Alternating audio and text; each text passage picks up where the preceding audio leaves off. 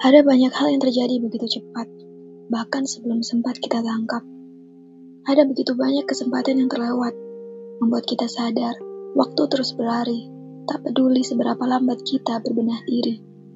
Kita bisa memilih tetap diam atau terus bergerak ke depan. Selamat Hari Kartini untuk seluruh wanita di Indonesia.